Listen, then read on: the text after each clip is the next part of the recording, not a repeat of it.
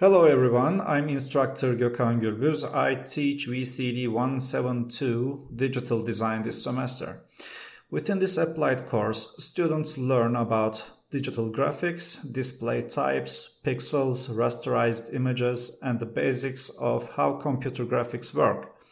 The main aim of this course is to combine digital images, colors, visual effects and styles with the softwares that provide convenient tools in order to create what is aimed to. Lectures provide students with the knowledge necessary to conceptualize, develop, and produce computer graphics projects in the field of digital graphics design.